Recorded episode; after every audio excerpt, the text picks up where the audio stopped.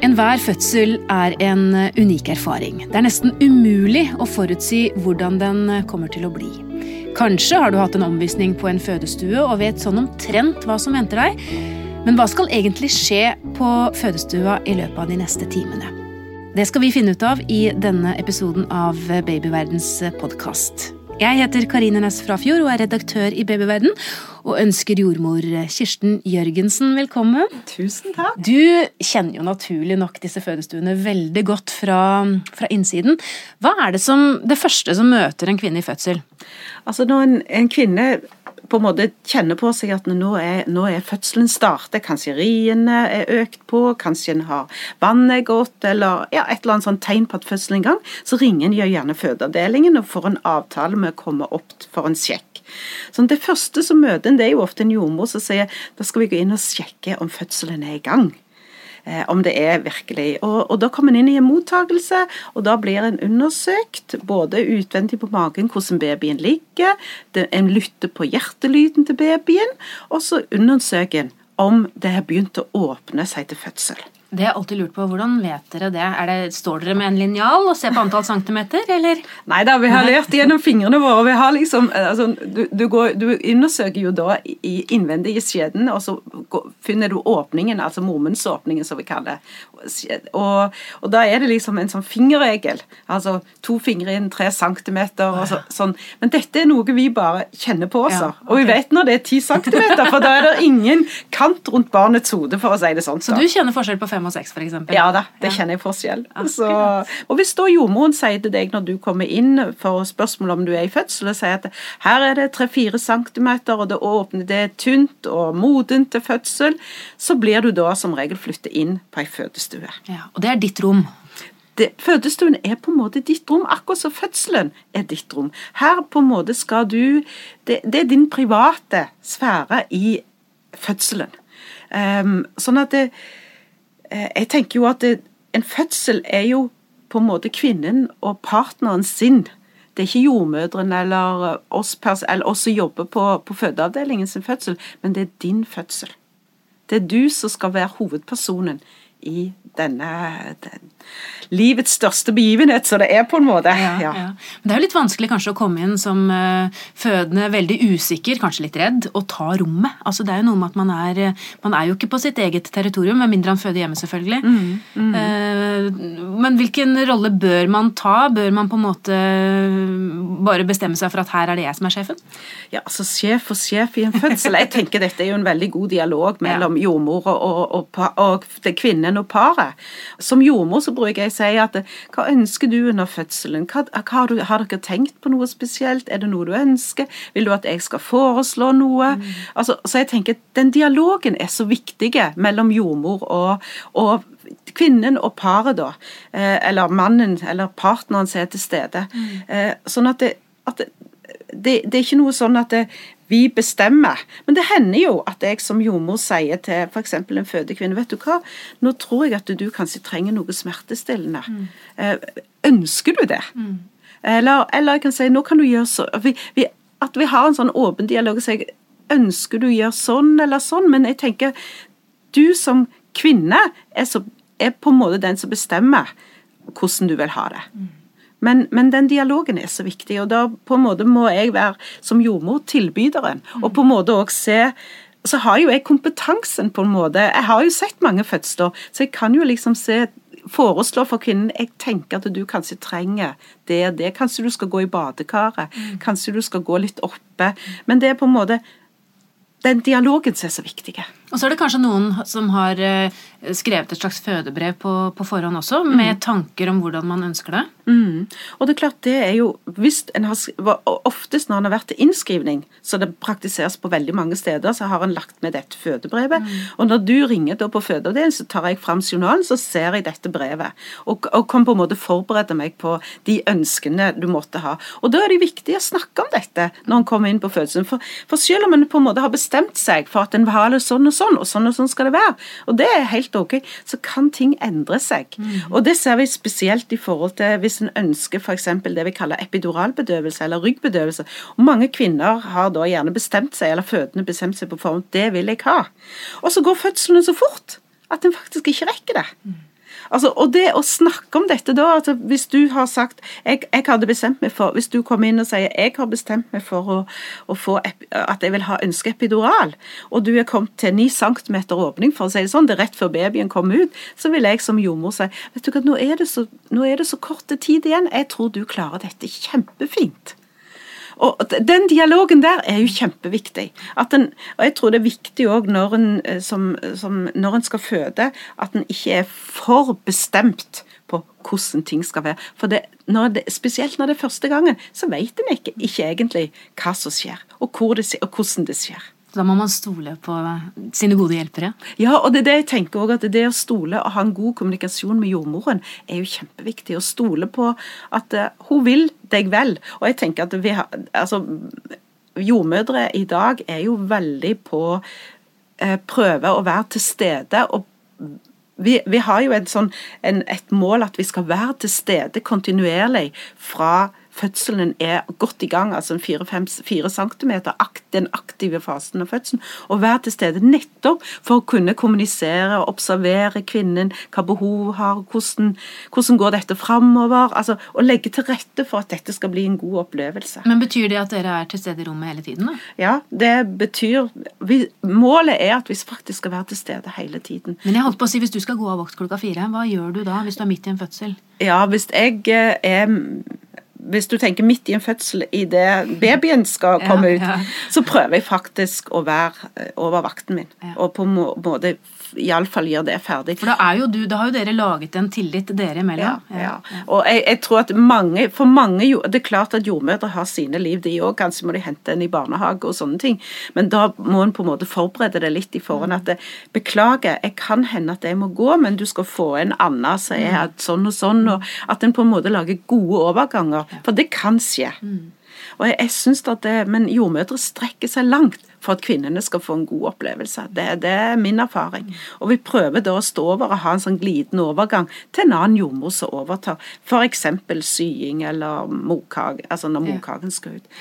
Men jeg, jeg, må si det at det, det står det, det å forlate idet babyen nesten er på vei ut, i den mest intense fasen der, det, da prøver jeg å være til stede. du må få med deg finalen. Ja, det, det syns jeg når jeg har fulgt så langt. Så, altså for meg er jo, for jordmødre så er jo dette med fødsler det er jo noe Altså, jeg bruker å si at jeg får nesten sånn et adrenalinkick når jeg på en måte tar imot et barn og får dette skriket altså Får levert over babyen til ja.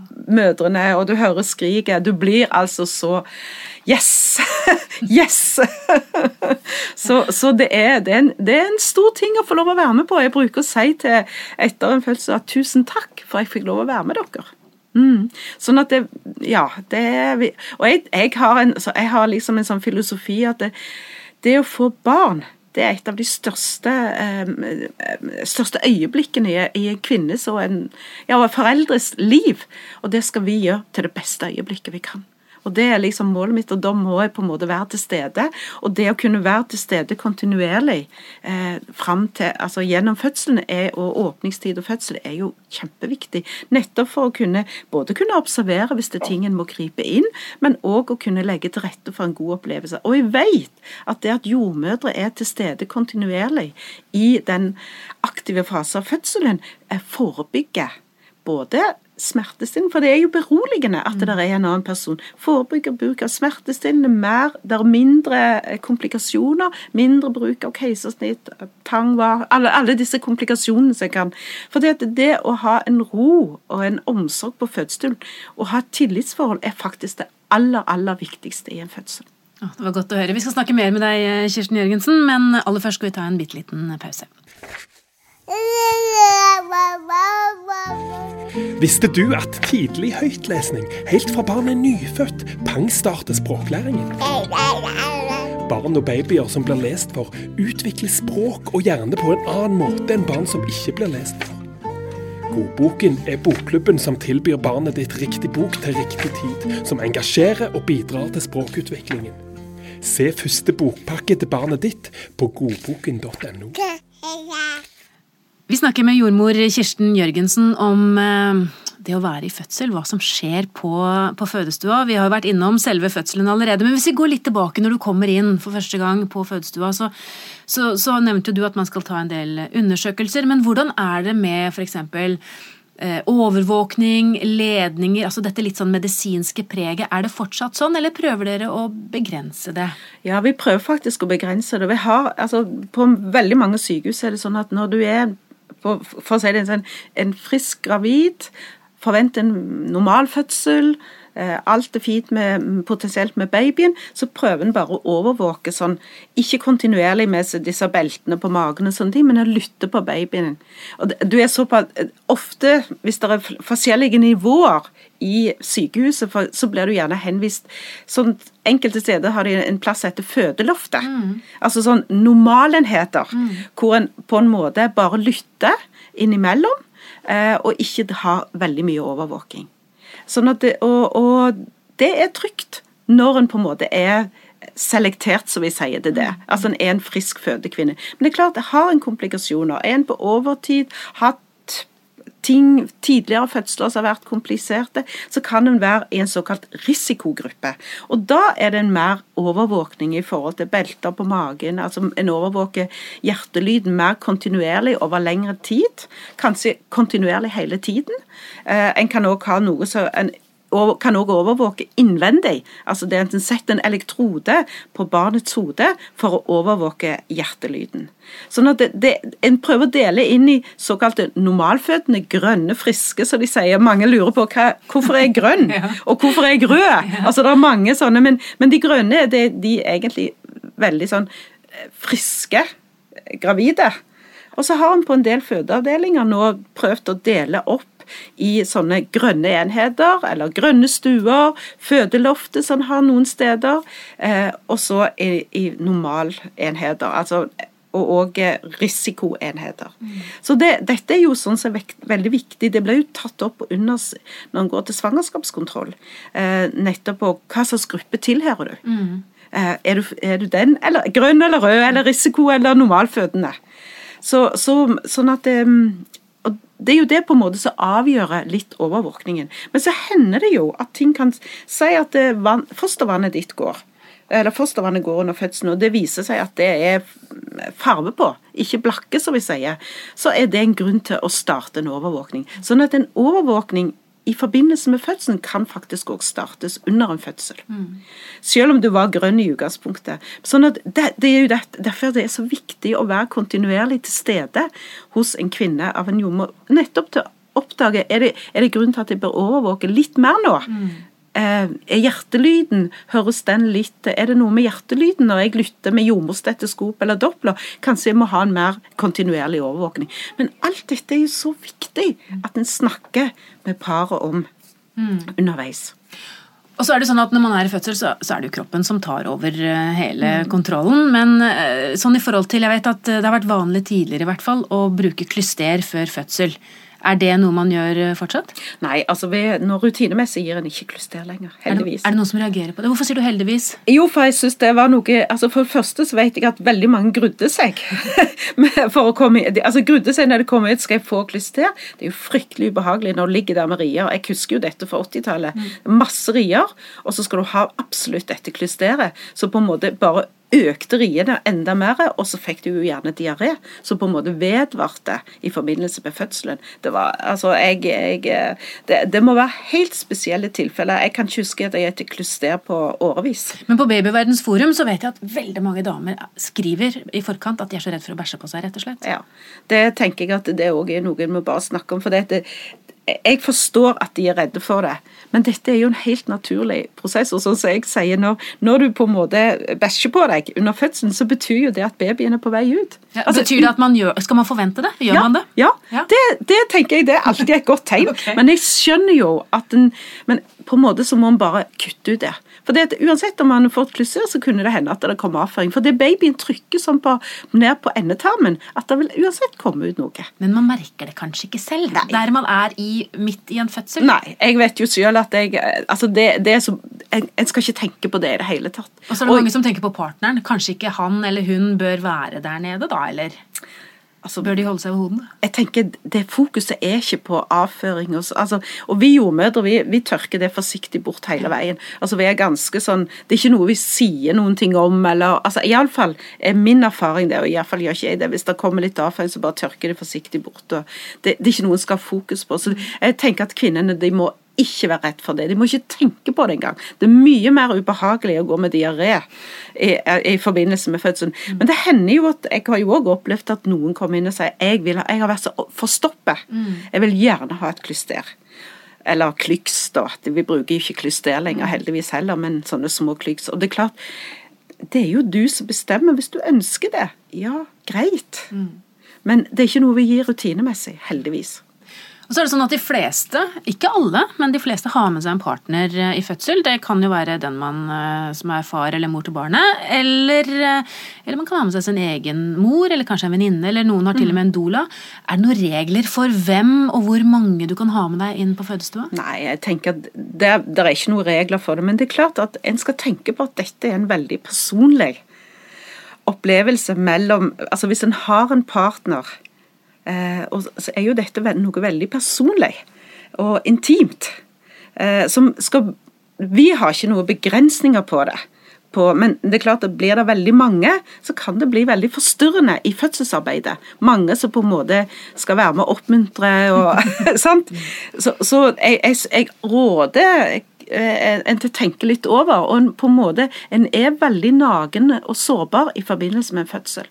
Så en skal ha god, et godt tillitsforhold til de en velger mm. å ha med seg. Mm. Men vi, vi vi, jeg, hvis jeg ser at det er veldig mange venninner og partner og jeg tenker, Er det en partner, så på en måte er det de som skal ha regien over dette. Eh, og, og må passe på Jeg har nok opplevd at eh, partneren har blitt skjøvet til siden av f.eks. en mor, venninne. Altså, en, en må iallfall tenke seg nøye om hvem en vil ha med. Det, det er mitt råd. Mm. Men vi går jo ikke inn og regulerer det. Men det er klart, det skal være en slags ro på denne fødestuen òg. Og kvinnen skal ha en ro til å gjøre dette fødselsarbeidet. Eh, og det skal ikke være mange som heier. Det er virkelig forstyrrende. Og det kan bli veldig urolig òg for jordmoren, som på en måte skal ha den dialogen hvis mange står og heier og sier nå må du gjøre det og gjøre det, spesielt når vi kommer til den siste fasen hvor en skal presse ut barnet. En annen ting som uh, ofte er med på fødestua, er jo denne mobiltelefonen. Og jeg har jo, kommer jo opp innimellom jordmødre med hjertesukk om at man kanskje skal prøve å være litt mer til stede her og litt mm. mindre der ute på sosiale medier. Har du gjort deg noen tanker rundt det? Ja, jeg, altså jeg syns, jeg syns den plakaten her sier et under. Legg, skru av mobiltelefonen er veldig viktig. Og jeg skulle gjerne sett at det ble Vi vet at vi ikke kan ha forbud, men at det ble en ordentlig diskusjon blant eh, de unge i dag om bruk av mobiltelefon bruk på fødestuen. Ja, har du sett det? Altså Kvinner i fødsel som bruker mobilen? Ja da, ja. veldig mye. og det, jeg tenker, Noen ganger så har jeg faktisk sagt òg nå, nå, tror jeg du skal legge vekk mobilen og konsentrere deg om For mange vil altså dette med, En vil jo ut og kringkaste for verden at nå er det i gang, sant? og nå er babyen kommet. Men la disse Dette er once in a life, twice in a life. Det er ikke ofte. La den stunden bare være mellom dere som er på fødestuen. Verden trenger ikke vite det med en gang.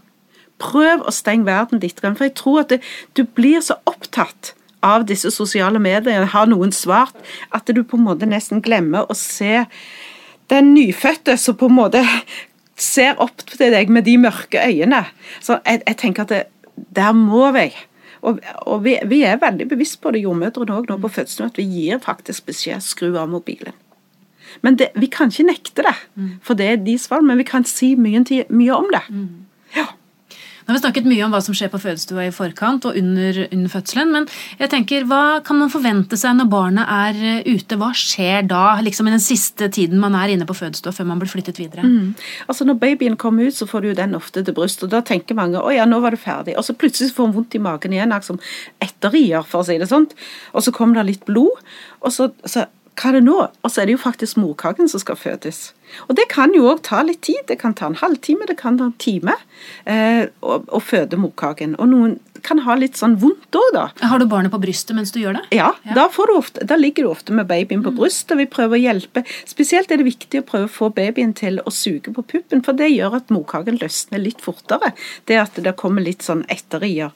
Eh, men det, det, er klart, det kan ta litt tid, og noen få ganger så kommer ikke morkaken ut. Og kanskje må hun gå ned på en, eh, på en operasjonsavdeling og hente ut morkaken i, i, i narkose.